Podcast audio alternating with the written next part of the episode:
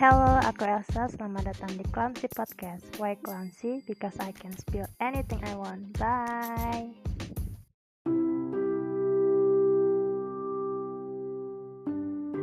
Kali ini kita mau ngomongin sesuatu yang mungkin bisa bikin overwhelming.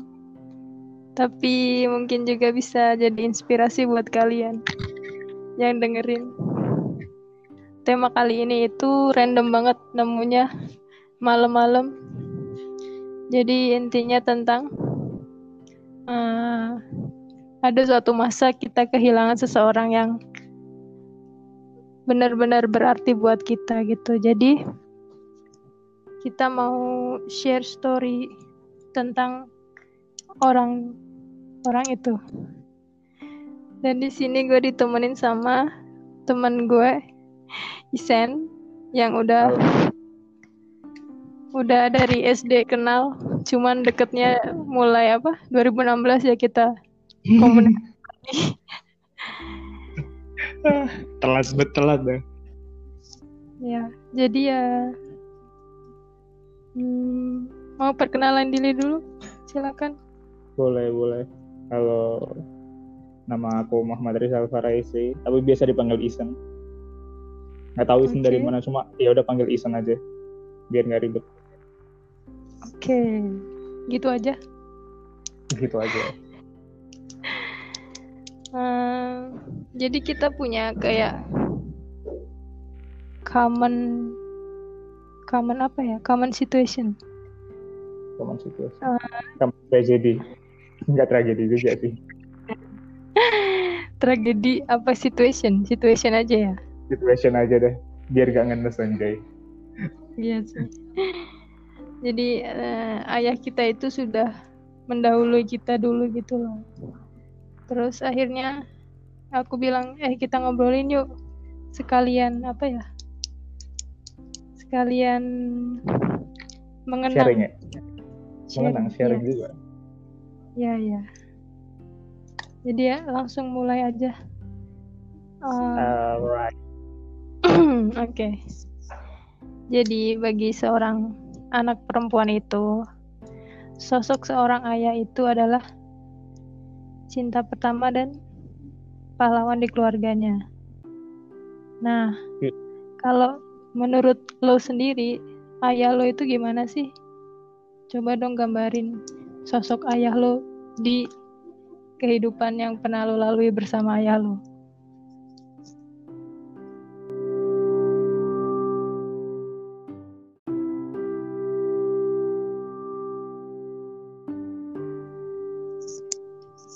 Dari pertanyaan gue yang pertama. Ah, oke. Okay. Udah. Hmm, so sweet banget berarti ya kalau misalnya di cewek tuh seorang ayah tuh sesosok cinta pertama gitu ya. Uh-huh. Kalau di tempat aku sih kayak gimana ya? Yang namanya seorang ayah tuh kan pasti beliau tuh sebagai sesosok pahlawan ya. Idealnya pasti sebagai sosok pahlawan ya. Uh-huh. Kayak uh, role gitu yang pengen kita tiru gitu kan. Ya sama uh-huh. di sini juga kayak gitu. Di tempat aku juga kayak gitu di mana dia tuh yang selalu ngingetin kalau kita ada salah apa, selalu ngasih petunjuk arahan kayak gimana. Terus tuh yang paling keren sih kayak gimana ya? Kalau dari kecil tuh aku sama ayahku tuh selalu ayahku tuh nggak nggak nyuruh aku buat kayak gini kayak gini kayak gini. Maksudnya tuh nggak nggak nyuruh aku buat ngelakuin apa yang dia mau. Tapi tuh justru dia tuh kayak ngasih gambaran gitu loh. Misal nih, hmm uh, dulu waktu SD aku tuh cuma dikasih pilihan kamu mau masuk SMP ini ini ini apa ini gitu kan mm-hmm. aku bingung aku cuma dikasih pilihan nih tapi beliau tuh ngasih gambaran kalau masuk sini tuh kayak gini kalau masuk sini tuh ntar kemungkinan kayak gini sini kayak gini dan dia tuh yang nyuruh aku ngedecide gitu loh dia tuh yang nyuruh aku nentuin pilihan aku sendiri gitu loh hmm. jadi emang dan dan gitu sih pokoknya kalau misalnya aku milih apa ya udah kamu nanti harus bertanggung jawab atas pilihan kamu itu gitu loh. Jadi emang beliau tuh udah ngajarin kayak gitu dari kecil dan uh, itu menurut aku yang yang paling keren banget sih dari beliau sih. Hmm, Berarti dulu oh terakhir ber- tahun berapa itu kamu diberi pilihan oleh ayah kamu? Hmm, terakhir ya sampai beliau nggak ada itu di tahun 2013. Hmm. Waktu Kalau kalau kamu kuliah kapan sih? Aku, aku malah nggak tahu loh. Aku malah nggak tahu loh kapan ayah kamu tuh nggak ada loh. 2014 Juli. Ah, I see. Berarti ini ya, ya major sih kita juga dari semenjak SD sampai 2016. SD itu 2000 berapa anjir? Sampai 2016 kita nggak pernah kontak-kontakan sama sekali. Ya, lu lu kan sombong dulu. Anjir, kenapa gue? Kota gue kabupaten.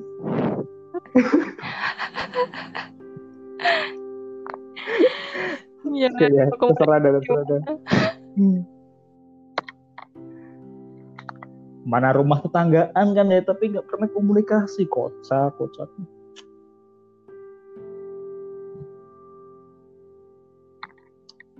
Terus terus gimana nih? Terus gimana? Halo. Oke. Mau tanya dulu waktu mutusin kuliah di Jogja itu juga kesepakatan dari kamu sama ayah kamu atau bukan? Ah, gini sih.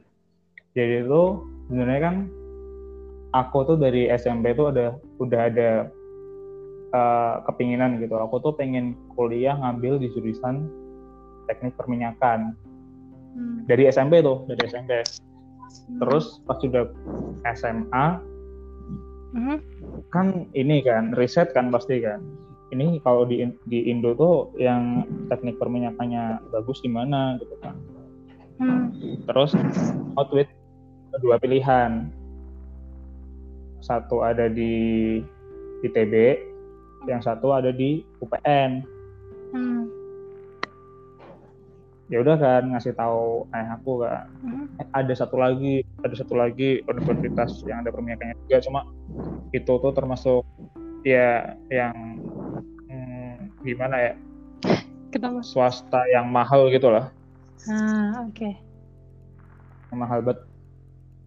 Hmm. ya udah kan aku ngasih pilihan berarti kan aku ke tempat ayahku tuh uh, come out with two choice kan Hmm. yaitu di ITB atau di UPN Hmm. ITB kan di Bandung UPN ada di Jogja. Jogja Hmm.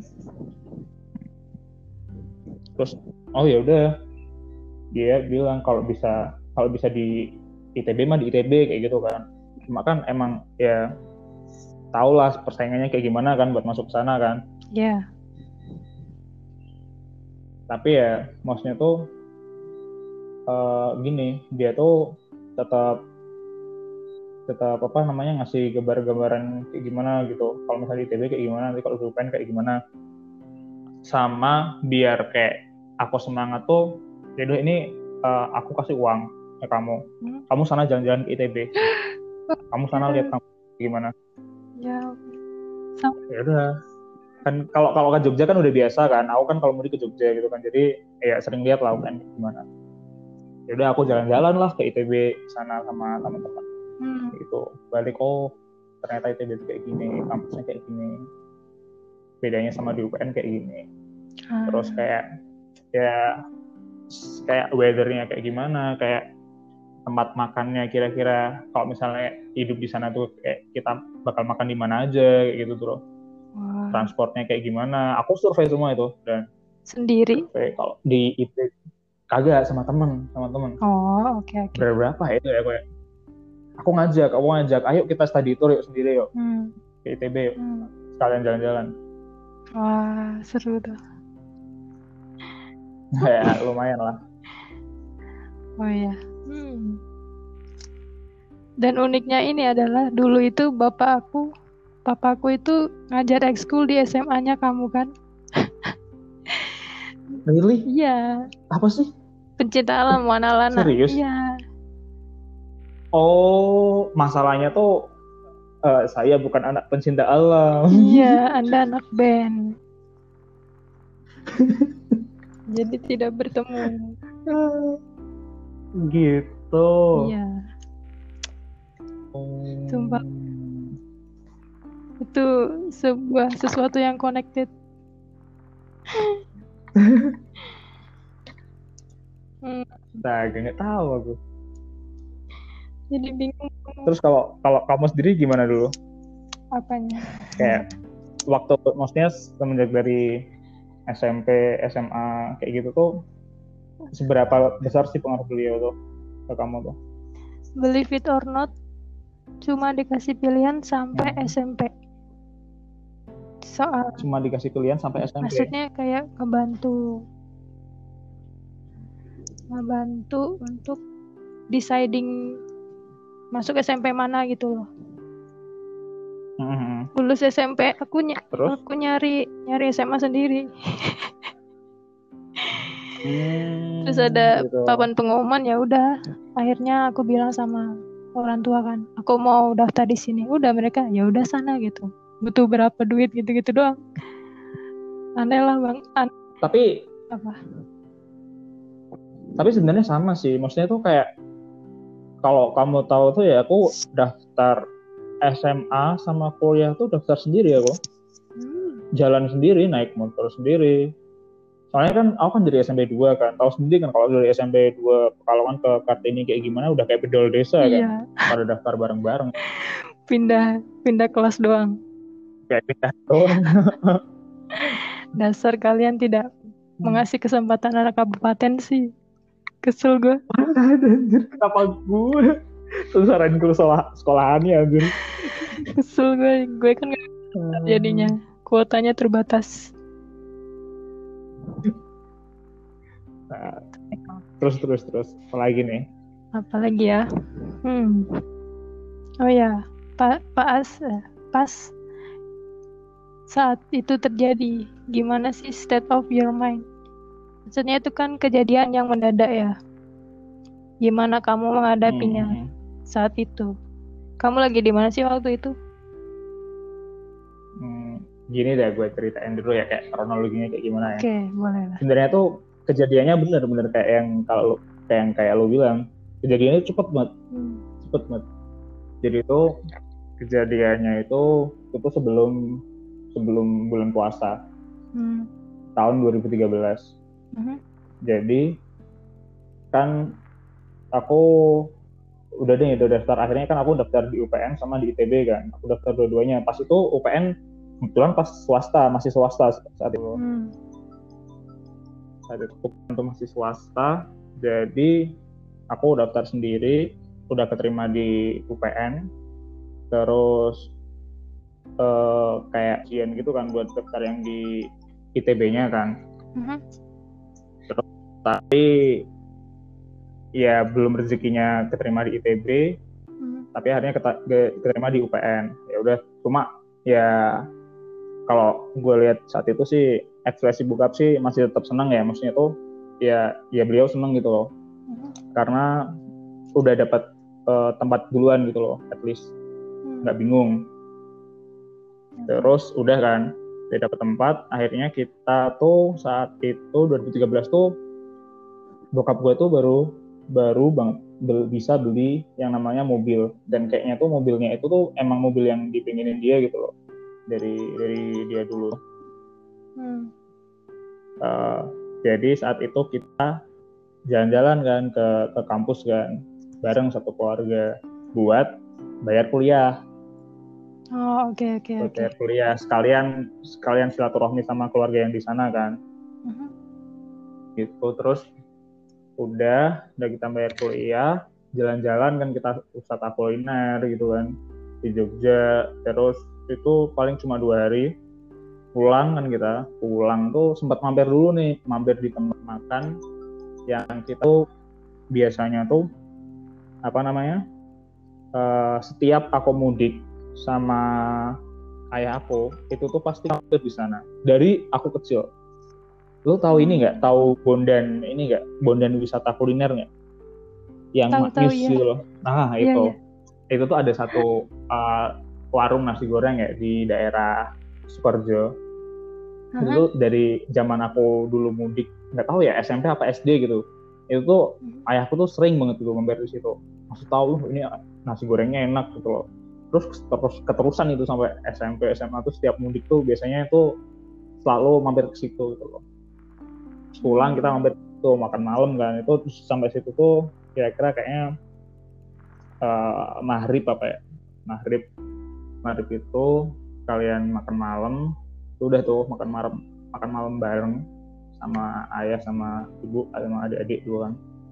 Pulang sampai rumah tuh udah kan biasa istirahat. Hmm. aku istirahat. Aku lihat tuh ayah aku tuh uh, ngelembur gitu ngelembur ngelembur kerjaan kayaknya. Sampai jam hmm. satu. Beliau tuh ini kayak pekerja keras banget gitu loh kayak orang yang nggak mau diem gitu loh.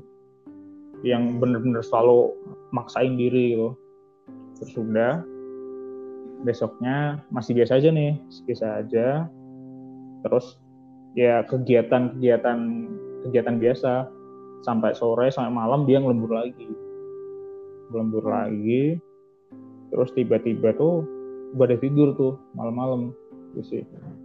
Gue bangunin jam satu. Mas mas itu babak kenapa? Kayak gitu kan. Gue lihat bapak gue itu posisi kejang. Gue bingung kan. Apa anjir? Hmm. posisi kejang. Gue bingung kayak gimana. Saat itu akhirnya gue telepon saudara gue tolong hmm. ini bapak kayak gini bisa dibawa ke rumah sakit apa enggak? Akhirnya ya udah pada datang kan datang. Kita minta bantuan sama kebetulan pas itu tuh ada kayak anak-anak lagi ronda gitu buat uh, ngangkat bapak gue ke, ke mobil kan. Udah langsung dibawa ke rumah sakit. Hmm. dibawa ke rumah sakit itu langsung kan dibawa ke ICU kan ICU di kayak CT scan gitu mungkin langsung. Uh-huh. terus dikasih tahu gue ini bapak itu ada pendarahan di kepala. Hah? gue nggak tahu maksudnya kayak gitu apa gue nggak tahu pas itu. Gue tuh nggak tahu kan. Maksudnya gimana hmm. pendarahan kepala itu gimana? Gue nggak tahu. Terus ya udah gue tetap positif nih aja. Apa paling nggak apa-apa orang ayah orang bapak gue tuh maksudnya ya ya kayak gitu orang kayak kebal banget lah orangnya lah. Hmm. badak banget. Yang tipe badak banget gue tetap positif thinking itu hmm, nyampe aku nginep kan di rumah sakit kan sampai uh, siang gitu apa ya, apa pagi apa siang gitu gue lupa. Mm-hmm. pagi kayaknya pagi. Pagi gitu tuh gue mulai mulai ngerasa nggak enak gitu loh. Pikiran gue masa nggak enak tuh gitu enak gue pas itu cerita sama cerita sama siapa ya? Sama cewek gue kayaknya. Kan ibunya kan dokter kan. Hmm. kalau kayak gini tuh kayak gimana gitu kan. Ya terus wah kayaknya kayaknya susah kayak gitu.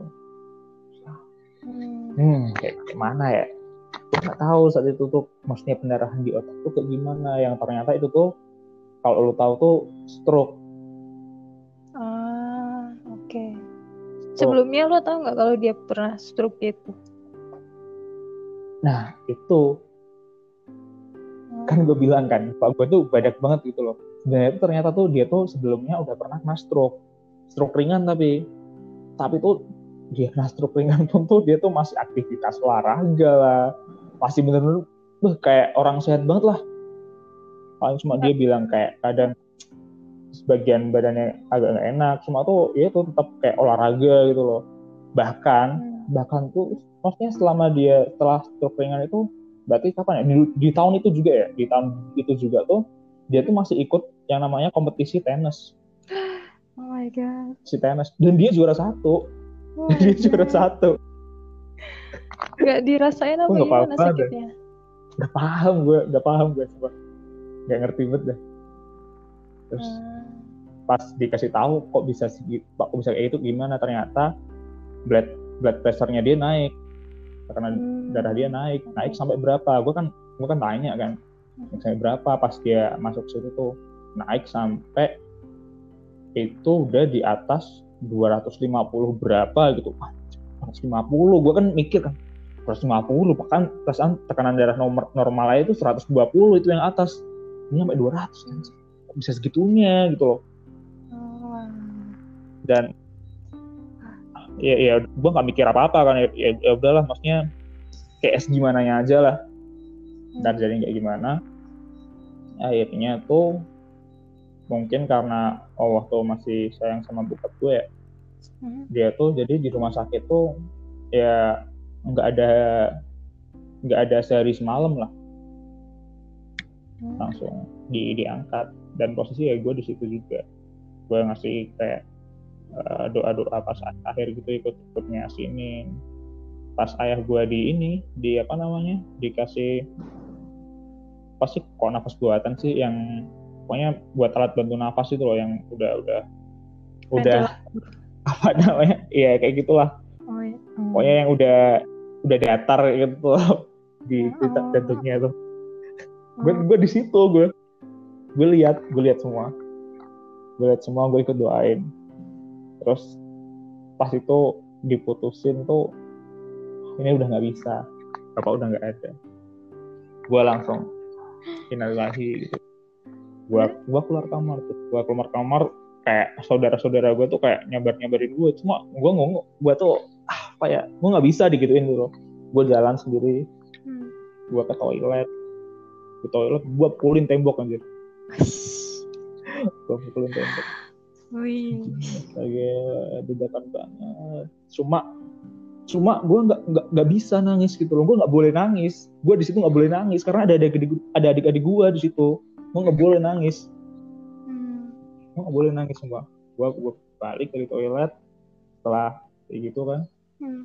gue nyoba nenangin adik-adik gue soalnya gue gue nggak bisa ngarepin ibu gue gitu loh. Gue gue tahu ibu gue tuh pasti pasti ngerasa kehilangan banget gitu loh sedangkan adik-adik gue nggak tahu kan. Oh, adik-adik gue belum tahu. Iya. posisinya masih kecil semua pas itu.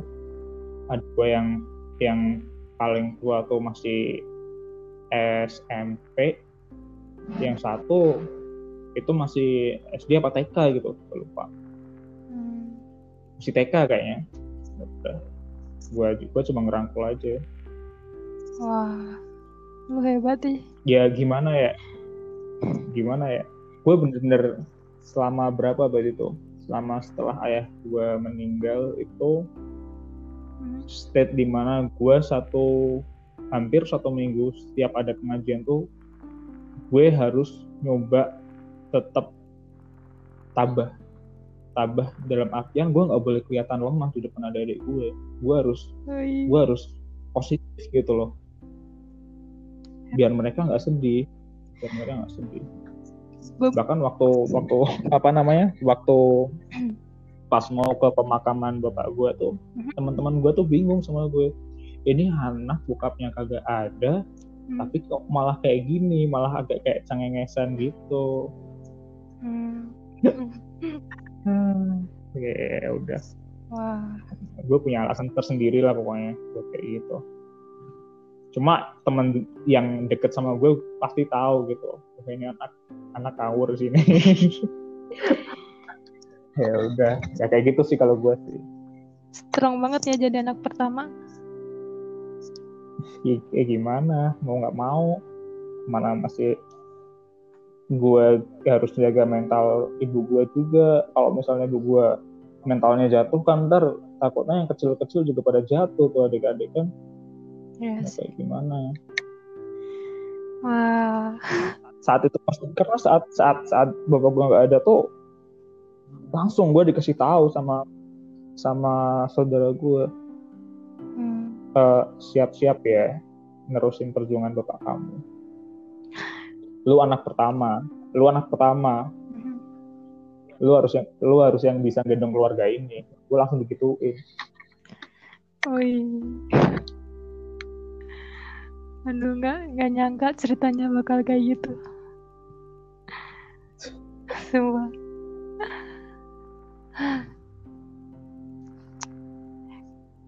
tapi paling paling bete ini sih maksudnya tuh apa ya itu tuh beliau tuh nggak ada Hmm. pas sebelum puasa jadi pas suasana Ramadan tuh rasanya kayak beuh Hampa. lu bayangin ya lu bayangin sahur pertama kagak ada bokap. Iya sih. lu tahu rasanya kan? Iya. wah. Sedangkan kita biasanya tuh makan bareng-bareng rame rame di ruang tengah ya kayak jadi pas kayak puasa pertama tuh hawanya tuh kayak sepi gitu loh kayak pada diem diem gue tahu gue tahu mereka tuh pasti kayak kangen gitu. Daripada diem. Kalau lu gimana kalau Kalau gua agak agak gimana ya? kan kejadiannya itu waktu summer 2014 bulan Juli. Gue itu masih di Turki waktu itu. Lagi di hmm, hmm. entah hari itu gue itu suka begadang gitulah karena kan udah gak ada sekolah lagi ya, tinggal ujian persiapan bahasa gitu.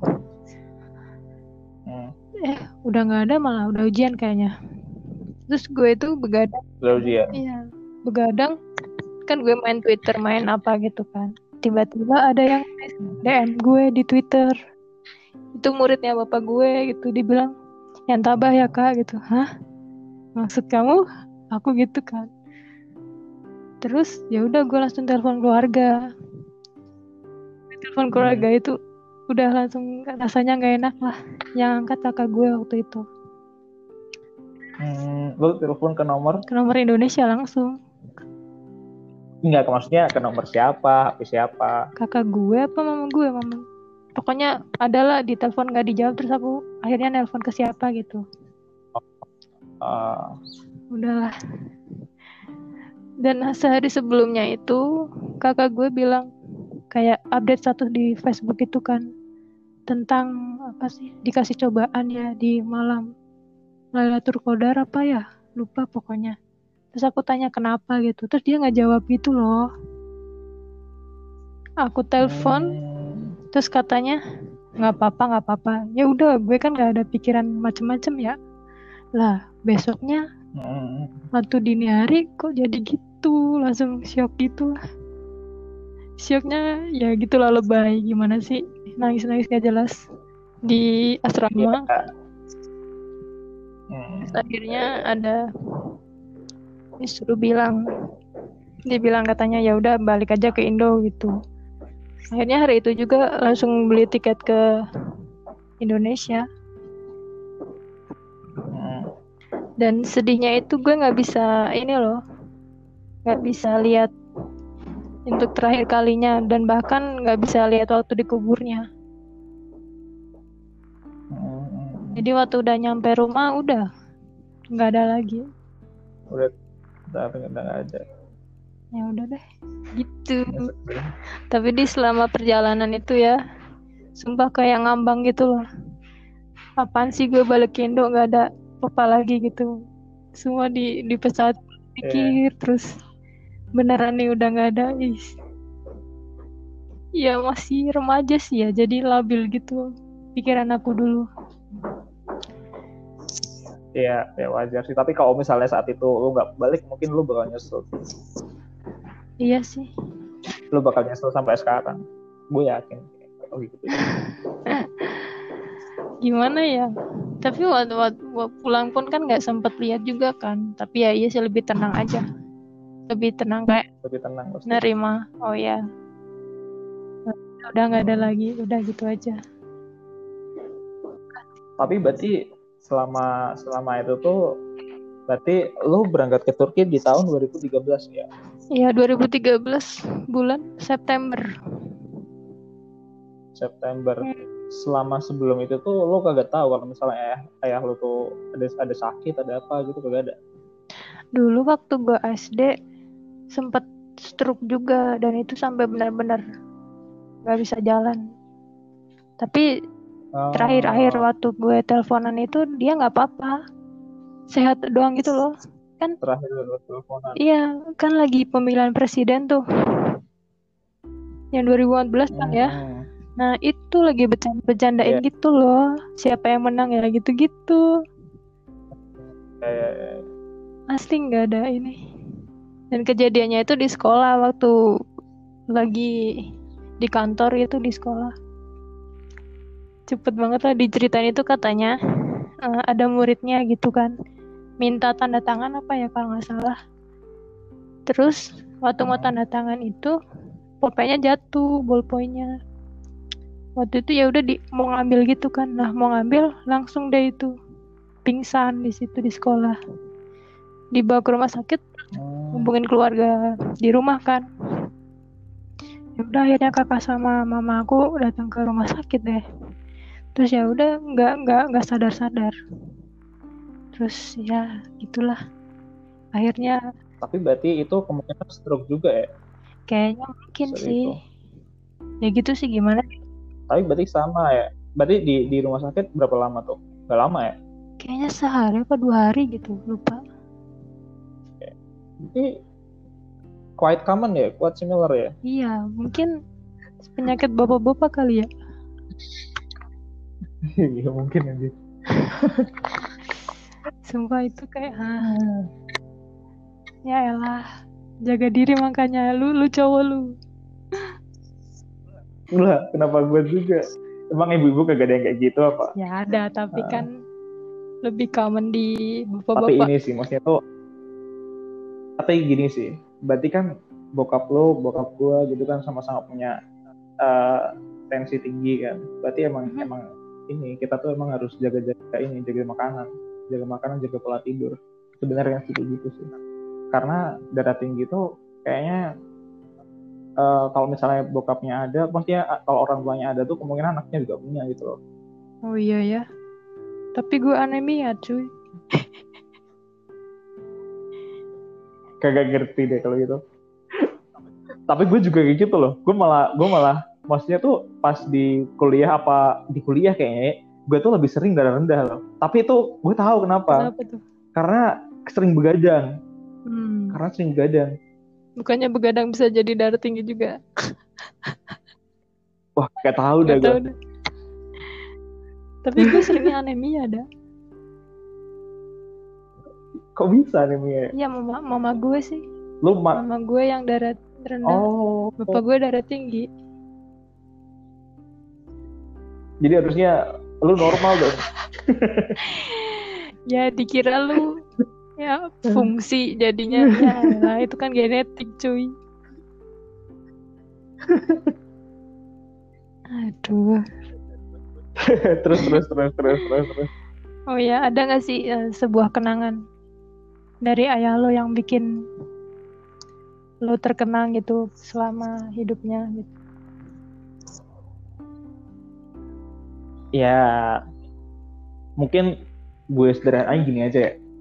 Kenangan di mana gue tuh gue bisa nerima kalau misalnya ayah gue tuh nggak ada ya. Oke. Kayak gitu aja ya.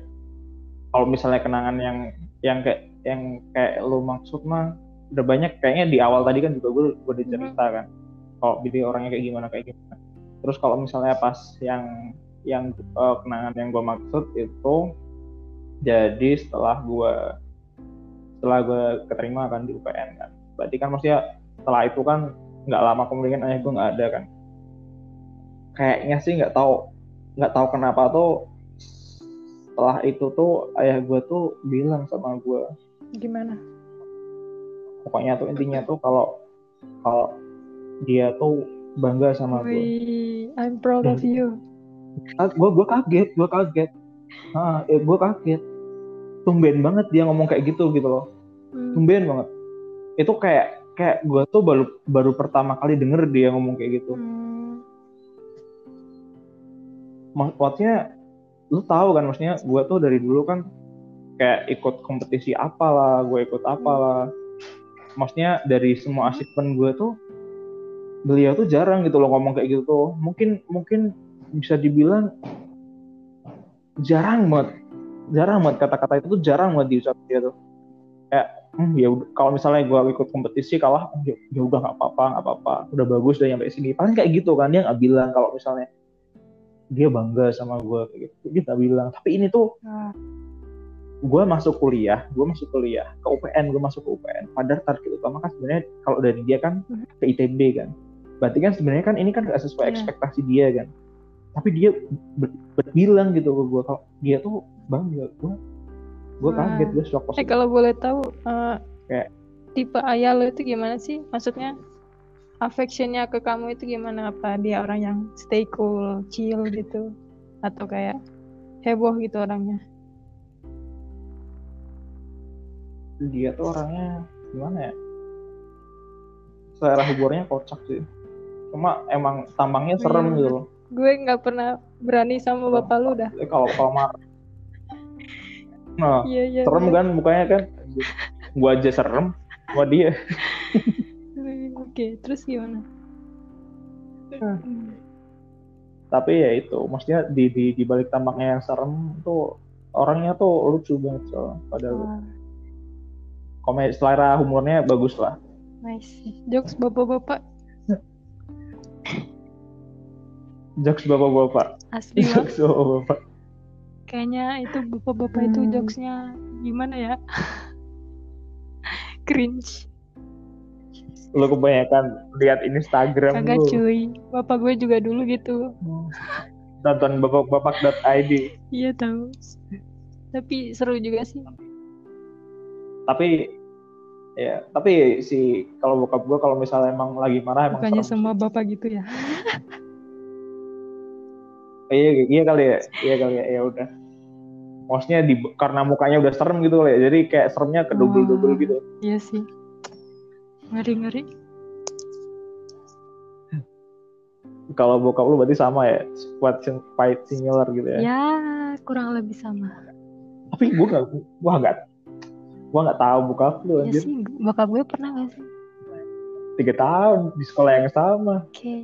Nggak oh tahu ya paling nggak tahu deh tapi dia dia berarti tahu ini nggak? Tahu tahu si kan Tiwi tetangga kita. Temenan juga sama bapaknya. Iya maksud iya berarti dia tahu kalau misalnya dia di sekolah yang sama kan ya? Maksudnya? Iya kan oh dia iya kan dia, dia tahu dia juga. Tahu tapi kan kayaknya nggak pernah ketemu apa? Kan beda beda school juga. Iya paling sih paling. Hmm. iya mungkin oke oke. Terus kalau kalau lu gimana? Kalau lu gimana? Kenangan yang dari bokap lu yang yang efek sampai gue sekarang diajak jalan di Dieng. Sama anak Wanalan. Hmm. asli itu pertama kali. Oh tahun berapa tahun tahun berapa tuh? Tahun berapa ya? 2012 apa ya? lu Gue kelas lupa. berapa? Oh di kelas gua lu kelas 2 SMA kali ya atau kelas 3 Iya, SMA kayaknya. kali ya? Kayaknya kelas 2 deh kalau nggak salah. Berarti itu naiknya sama teman-teman gua iya tuh. iya iya. Iya benar-benar kayaknya seangkatan deh. Ada hmm benar benar benar iyalah. Tapi nggak tahu sih teman lo yang mana. Terus Ini udah pertama kali aja diajakin gitu, tapi dia nggak pernah jagain gue langsung gitu loh. Dia tuh kayak nyuruh gue Iya, berinteraksi sendiri gitu loh sama murid-muridnya. Gue kan pemalu ya dulu. Eh, udah gue ih canggung Iya. banget dulu mah. Mungkin dia itu tipe orang yang cara ngedidiknya kayak gitu loh. Dicemplungin biar kamu beradaptasi gitu. Iya. Wah, ya udah akhirnya iya beberapa gitu kenal. Hmm, siapa siapa yang kenal Ada cewek namanya Mutia. Hmm, Iya, orangnya iya, agak iya, hitam iya, kecil Terus siapa lagi ya? Terus Tahu. ada Mbak Tanti, dia ini anak basket tapi ikut Wanalana juga. Kok kagak tahu kalau itu gue taunya Tanti iya. itu mah vokalis anjir Ya gitulah. oh iya, Tanti kotak terus berarti kayak gitu. Terus apa lagi eh tapi sebenarnya tapi btw ini loh. Maksudnya ini juga salah satu kenangan yang yang paling bagus gue juga dari dari ayah gue jadi sama kayak lo kayaknya kelas 2 SMA apa kelas 3 SMA gitu. Gue tuh diajak ke ke Dieng juga. Itu baru pertama Ngapain? kali ke Dieng naik motor tadi. Naik motor. Jalan-jalan lah. Soalnya tuh emang dari dulu tuh berdua doang. pengen gitu loh ke Dieng kagak sama ber, berempat kita. Gua bokap gua ada gue yang pertama sama satu Hmm. tuh temennya bokap gua. Uh, kayak inilah uh, kalau Oh, lu tau iya, kayak iya, iya. guru pengabdian gitu? Hmm. nah itu diajakin buat buat jengin gue bokap gue sama adik gue jadi jalan-jalan kan asik lah.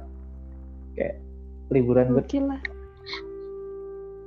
Soalnya emang ini ya salah satu affection dari bokap gue ke gue tuh gue suka Hmm. jalan-jalan. Gue suka jalan-jalan ke daerah pegunungan. Itu karena bokap gue salah satunya. Dia tuh dulu tuh pas pas gue kecil tuh sering ngajakin gue ke mana ke petung kayak ke mana mau naik motor aja. Gue di gue sama bapak gue kayak liatin jalan gitu. Kalau misalnya di jalan ada kayak "Oh, itu ada ada ada kera tuh kayak ada, ada kera gitu. Jadi tuh gue gue suka banget jalan-jalan ke ke pegunungan dan itu pun apa ke adik gue sama kita berdua tuh sama Iya, jadi tuh kita berdua emang hobi hobi jalan-jalan bukan jalan-jalan jalan kaki ya. Kalau lo mungkin hobinya jadi jalan kaki ya karena bapak lo mana ada kalau gue naik motor gue mau jalan kaki capek anjir. Oh Oke, enggak gue. Wah. Lu udah jalan Gitu ke mana sih. sama ade lu sekarang?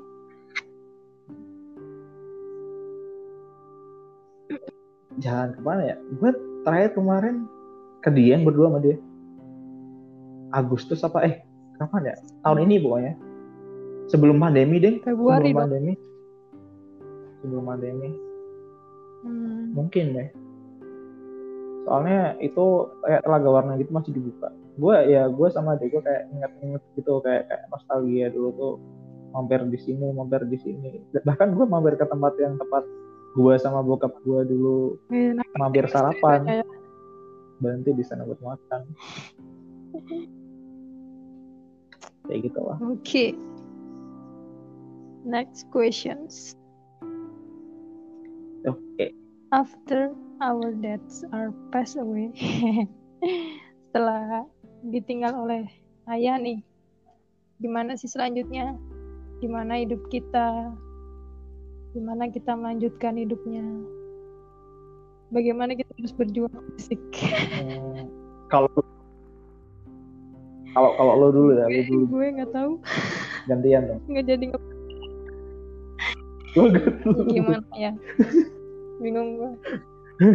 Ya apa ya? Yang paling kerasa itu tentang ekonomi sih. Soalnya kan jadi mama sendiri ya yang nanggung. ya ya Terus kakak gue kan Pak. masih kuliah juga, terus gue Hmm. juga masih kuliah. Nah gitu lah. Berarti eh, salut lah berarti buat kakak gue yang jadi anak pertama. Dia strong. Gue cupu dulu. ya Oh, maksudnya gitu. kan ya kan kalau di Indo kan mesti dibilang gitu kan anak pertama itu kayak pengganti bukan pengganti sih ya penerus ya penerus kepala keluarga gitu kan. Misalnya terjadi sesuatu kan pasti baliknya ke anak pertama gitu. Dan kakak gue strong banget lah pokoknya.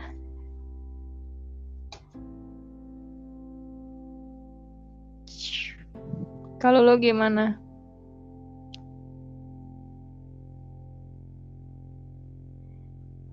Iya suaranya hilang lagi.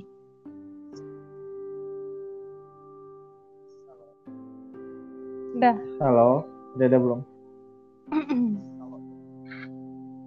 Kalau dari gue ya eh, jadi setelah kan setelah bokap nggak ada kan gue kuliah. Yang paling gue gue khawatirin sih yang di rumah sih ya karena gue kan jauh dari rumah kan kayak, kayak gimana adik-adik gue kayak gimana gitu kan. Bisa apa enggak? Di di rumah ada yang ngatur enggak? Itu, itu yang paling concern. Gue tuh kayak gimana ya, kepikiran banget sama rumah tuh. Bahkan ada satu titik tuh kayak yang agak gue agak nyesel tuh. Jadi pas itu kan eh, apa? Eh, adik gue kan eh, lulus SMP kan mau mau masuk SMA kan dan maksudnya tuh karena eh gimana ya karena gue nggak bisa buat ke rumah gitu loh. Jadi gue tuh nggak bisa buat ngarahin dia gitu loh buat lo masuk ke sini lo masuk ke sini. Gue gue gue bantuin daftar gitu. Gue tuh bener-bener nyesel gitu. Padahal kalau misalnya gue ada di situ tuh mungkin gue bisa bantuin dia gitu buat kayak masuk di di SMA di kota lah at least gitu. Ya gitu tuh yang paling paling kerasa tuh ini sih kayak misal aja nih ya kayak kayak sekarang ya misal lo habis lulus kuliah nih terus mm -hmm. lo di rumah kan lagi nunggu job kan lagi ada kerjaan lagi ada gawe lo gabut kan di mm. rumah ngerti mau ngapain lo tidur doang itu gua gue 100% yakin ya kalau misalnya bokap gue masih ada mm. gue nggak bakal kayak gini bokap gue tuh tipe orang yang nggak bisa lihat orang lain tuh diem doang. Dia tuh nggak bisa kalau misalnya orang tuh nggak ngapa-ngapain. Pasti harus ngapain. Entah itu entah itu mungkin kalau misalnya dia masih di sini ya entah itu gue disuruh berkebun lah gue disuruh ke tambak lah gue disuruh ngapain lah pasti kayak gitu. Dan dan gue kehilangan gitu sosok itu gitu loh. Jadi kayak ini ya kayak tuas penggerak kapal. Ya Iya, iya, iya, iya gitu. Oh. Tapi gue bijak sekali ya. Sekarang gini, uh, ya, ya. Sekarang gini, modelnya tuh kalau ibu mungkin mungkin mungkin di tempat juga kayak gitu ya. Hmm. Modelnya tuh ibu gue, ibu gue tuh nggak bisa yang kayak nyuruh gue buat ini, buat itu, buat ini, buat itu. Justru ibu ibu gue tuh kayak ikut gue gitu loh terus kalau gue salah gimana? Kalau gue gue nggak bener gimana? Hmm. gue yang ingetin siapa? Gitu kan yang mau gerakin gue siapa? Gitu. Gue paling paling ini paling concern di situ sih. Kemarin-kemarin gue gitu kayak so, gue mau kayak gini terus gitu loh. Hmm. cuma gue nggak ngerti mau ngapain gitu kan gue gue gue nggak ada yang ngarahin. Hmm. gue harus harus gerak sendiri. Apa ya? ya gitu sih. Cuma ya apa namanya mungkin passion passion passion state ya kayak sabaran tuh bakal ada ada hasilnya juga mungkin. Ya semoga aja ke depannya gue bisa lanjutin di situ gitu. Akhir akhirnya juga dapet karena juga. ibu itu terlalu apa ya? Ibu itu terlalu terlalu lembut gitu kan. Jadi kayak rentan gitu loh kalau aku ngeliat seorang ibu ya gak sih jadi harus mungkin kayak gitu sih. jaga nggak tahu ya. Setelah nggak ada apa-apa itu kayak dulu ada perasaan kayak aku harus menjaga mama gitu loh. Dulu kan kayak gitu loh. Iya ya nggak sih? iya, ya, gitu. lah berdua gitu kan. Terus sekarang kayak iya. Ya ya kalau dulu pasti pasti iya, iya, udah iya, info udah ada udah ada bapak gitu kan gitu ya. Ah. Mari hmm. berjuang my bro. Untuk masa depannya lebih cerah, asik. Iya.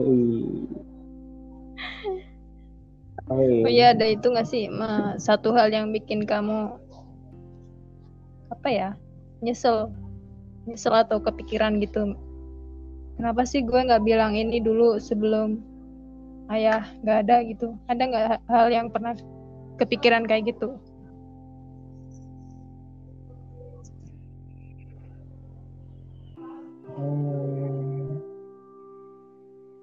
actually mungkin nggak ada kayaknya. Karena itu gue gue tadi udah bilang kan yang bikin gue kayak lega banget itu tuh di saat di mana bokap gue tuh bilang ya kalau dia tuh bangga udah sama gue udah itu tuh kayak gue pulang gue gak gue gak ada gue udah gak ada beban lagi gitu loh.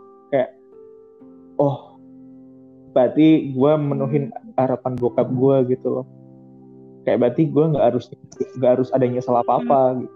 kenapa gue harus nyesel gitu kan hmm. yang ada gue harus move on deh gitu doang kalau lu lu pasti ya. ada ya soalnya lu gak ada di rumah ya apa ya kalau gue ini hmm, nggak hmm, pernah nggak bukan nggak pernah sih jarang bilang aku sayang sama papa gitu itu kayak apa ya? Kan orang Indo mana sih ada yang ada sih cuman jarang aja yang bilang Iya, iya, literal iya.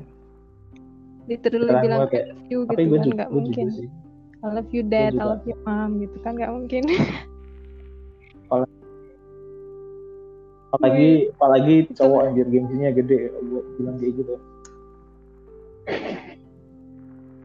Tapi gak apa-apa sih gue Asik. pasti bokap gue tahu. Gue yakin itu. Dan pasti bokap lu pun tahu kalau misalnya lu sayang sama udah. Hampir sejam nih. Enggak ya? mau ada sesuatu yang disampaikan nggak? Oke. Siapa tahu pesan-pesan lo bisa bikin orang lain lega gitu. Apa ya? Hmm, gue sih. Lu dulu lu dulu gue kalau disuruh duluan gue gue kalau disuruh duluan Kan lu hostnya. kan katanya ladies first. Ya udah deh simple aja. Gue dulu ya. Apaan ya? Simple aja ya. Selama Yo, masih yoi. ada orang-orang yang sayang di sekitar kalian sayangilah mereka kembali.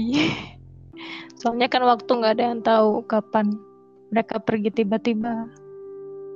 Loh apa ya? Treasure the time. Hargai waktu. Hmm, udah deh gitu aja. Iya, iya, iya. Lah, lah udah udah disampaikan aja. lo yang tadi lain aja gitu. yang lain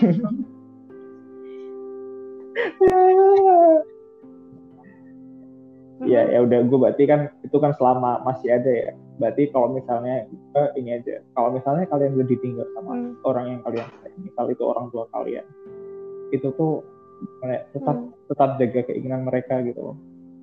Gue pasti tahu kok kalau misalnya kalian yang udah ditinggalin tuh, yang orang yang ninggalin kalian tuh pasti kan eh, expect sesuatu kalian. Weh. Kalian coba lah perjuangin itu. Itu aja. Saling Jangan lupa mengirim doa didoain ya. Jangan lupa didoain. Udah ya ih Ya, terima kasih loh sudah meluangkan waktunya sedikit yoi. dengan perbedaan waktu 4 jam gue nggak perlu mandi Gue karena ini mandi lagi gitu musim ya. dingin Enggak cuy beda orang Asia Bau. itu beda I'm proud to be Asian Yaudah. Oke. Thank you udah dengerin. Say bye bye dong. Bye. Bye bye.